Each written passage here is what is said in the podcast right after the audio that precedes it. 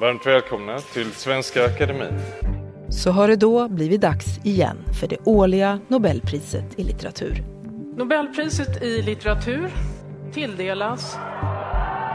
På en kvart får du veta vem som är favorittippad och hur litteraturpriset står sig efter alla skandaler inom Svenska Akademin.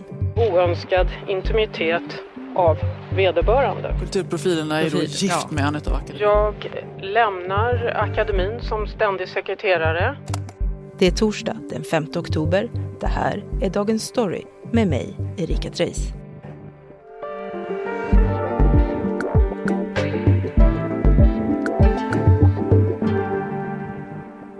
Gäster idag är Madeleine Levi, biträdande kulturchef och Elisabeth Andersson, reporter på SvD Kultur.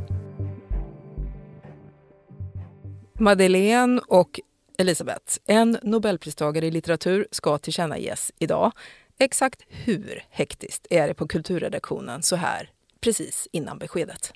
Det är ju lite pirrigt, men det är svårt samtidigt inte så mycket man kan göra precis just nu. Utan det är klockan 13, när det smäller. Det är då det blir bråttom.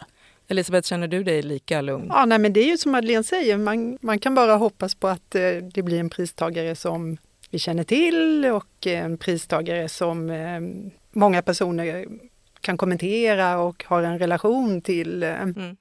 Vi ska också förstås låta er spekulera i vem som blir årets pristagare.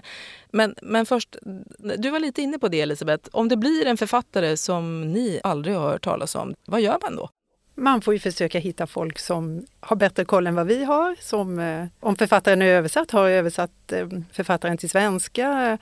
Ja, man får försöka hitta folk som, som har någon relation till den här eh, pristagaren. Mm. Madeleine, vad säger du? Vad gör ni?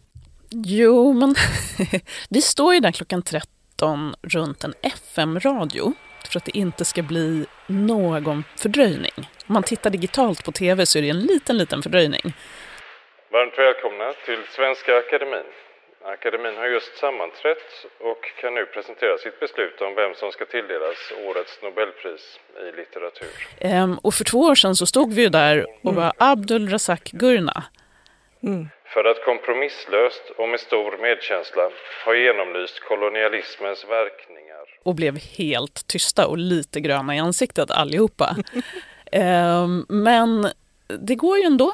Man ringer runt, tar reda på det man kan. Mm. Eh, sen kan man ju också prata om valet i sig.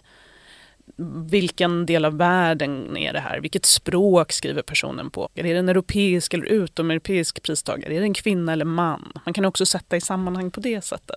De har ju också fått kritik de senaste åren, inte minst för att de har gett priset ofta till alltså, vita europeiska män. Har man tagit till sig den kritiken och gör man på något annat sätt idag?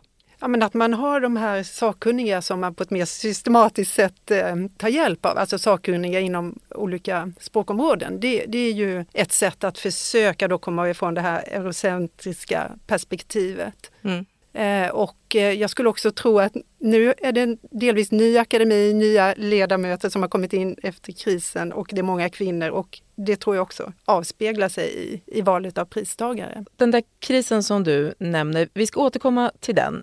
Men Elisabeth, du har också gått igenom de favorittippade kandidaterna. Skulle du kunna skaka fram tre heta namn åt oss? Ja, tre eller kanske fyra blir det nog. Ludmila Ulitskaja är ju ett hett namn i år, precis som flera tidigare år. Och eh, det skulle ju vara spännande. Hon är ju en rysk exilförfattare, tydlig oppositionell, flyttade till Berlin i samband med invasionen av Ukraina.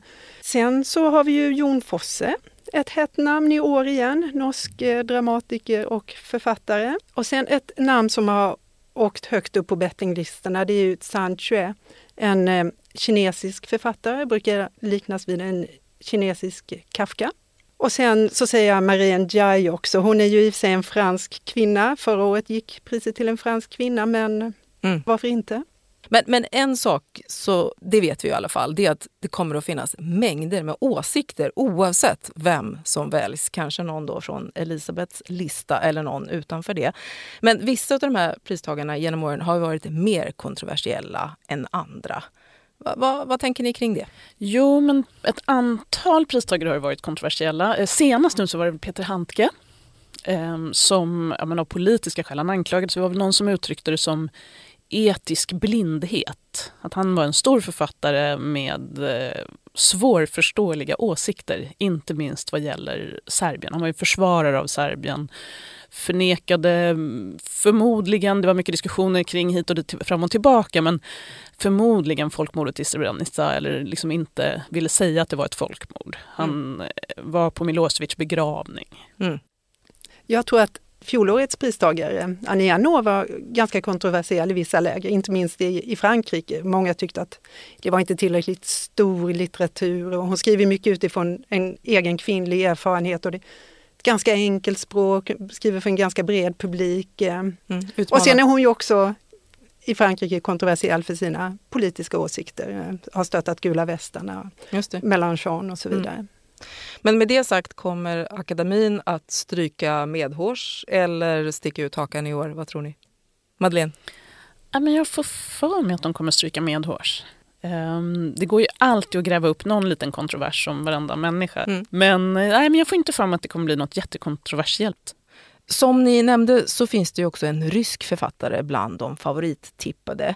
Ludmila Ulitskaja. Skulle akademin kunna ge priset till henne med tanke på, ja, då tänker jag förstås på Rysslands anfallskrig mot Ukraina?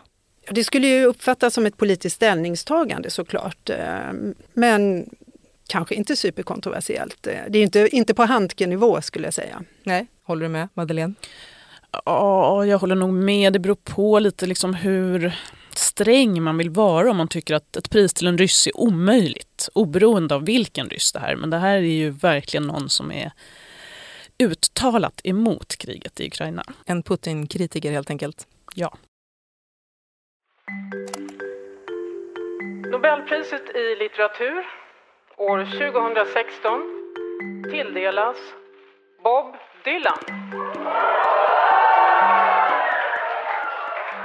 Men om vi tar och tittar också lite närmare på de som faktiskt delar ut det här priset, Svenska Akademin. För när Sara Danius stod där i Börssalen och var ständig sekreterare så var hon kanske mer känd i breda lager, i alla fall tänker jag så. Men nu är alltihopa lite mer anonymt. Elisabeth, är det inte så? Ja, men Sara Danius hade ju en alldeles speciell eh, lyskraft. Hon var ju väldigt karismatisk. Eh, vi utlovade att ni också skulle kommentera Sara Danius klänning mm. ja, på Nobelfesten. Eh, det är svårt att, att matcha henne. Alltså wow är ju känslan. Och vad säger du Madeleine? Mats ja. Malm kontra Sara Danius. Jag tror att akademin just nu verkar välja att framhålla sig ganska mycket som ett lag, eh, som ett kollektiv.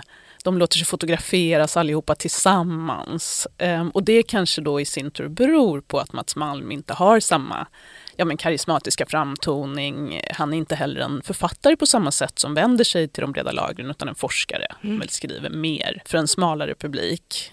Men de ger ju sig ändå in i vissa dagspolitiska frågor, till exempel ska vi ha en kanon eller inte? Nej, säger Svenska Akademin. Mm, och med kanon så menar du den kulturkanon som Tidöpartierna vill ta fram som en gemensam lista för svensk kultur? Ja. Vi har redan kunnat konstatera att vi brutit mot våra egna jävsregler och att dessa måste skärpas.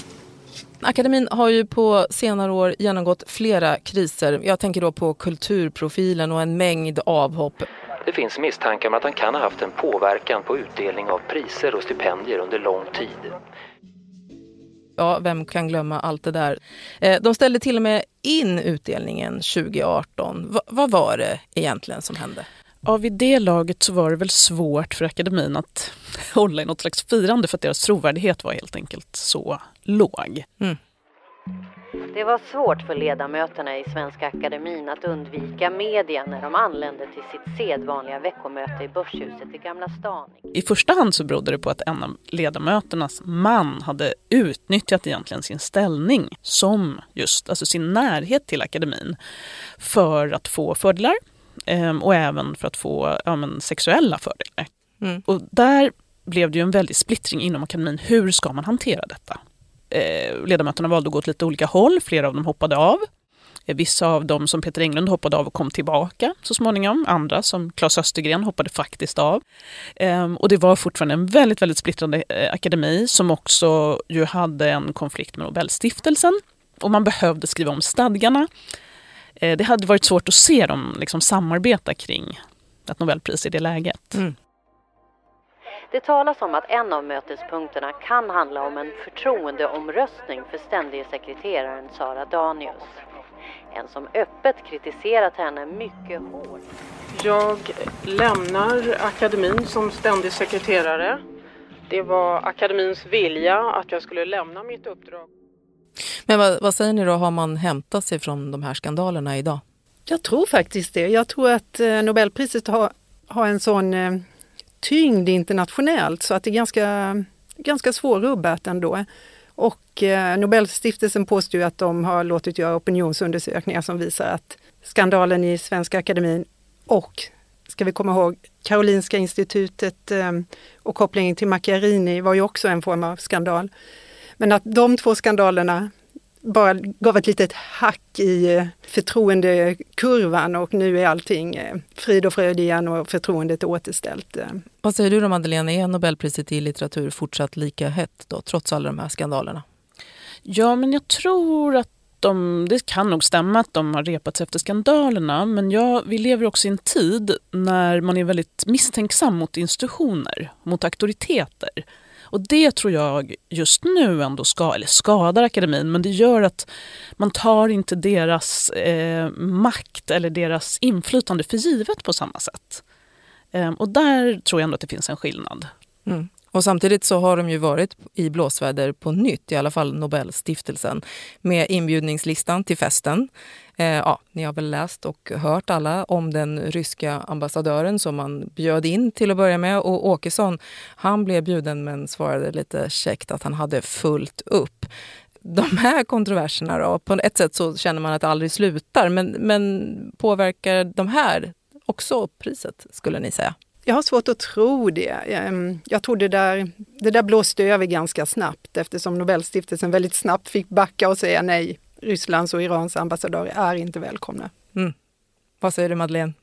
Nej, men det är klart att Åkesson också spelar på den här misstänksamheten som finns inför etablissemanget. Och att han markerar att jag är minsann inte del av etablissemanget. Jag kommer inte gå runt i någon tjus, några tjusiga kläder och jag är inte del av kotteriet när han tackar nej. Mm. Han, han vet ju att det finns, den stämningen i samhället. Absolut.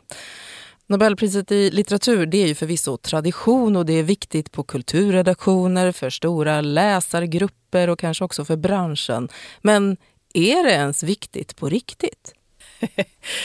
Det beror på om man gillar 11 miljoner på kontot eller inte. I svenska kronor förvisso.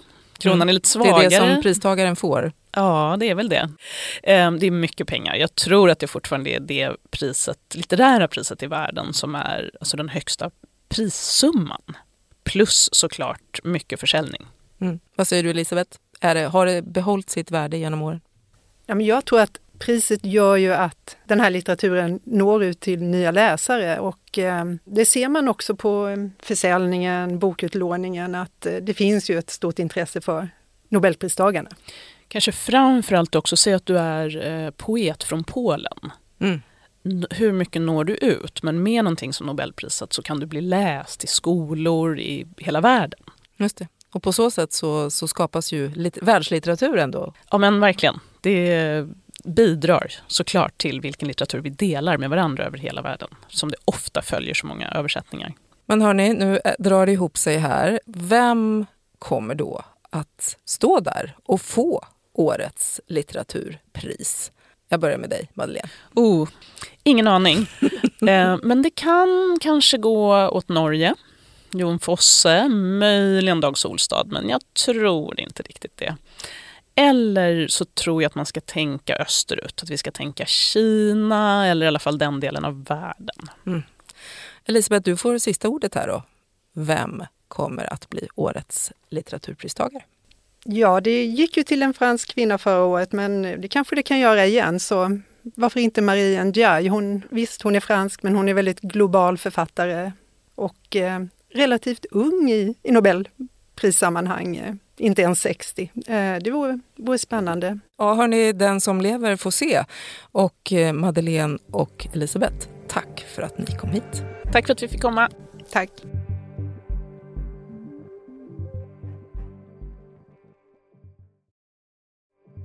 Programledare var jag, Erika Treis. Producent var Moa Larsson och redaktör Stina Fischer. Vill du komma i kontakt med oss? Mejla på dagensstory.svd.se. Klippen i dagens program kom från SVT, Sveriges Radio och TV4.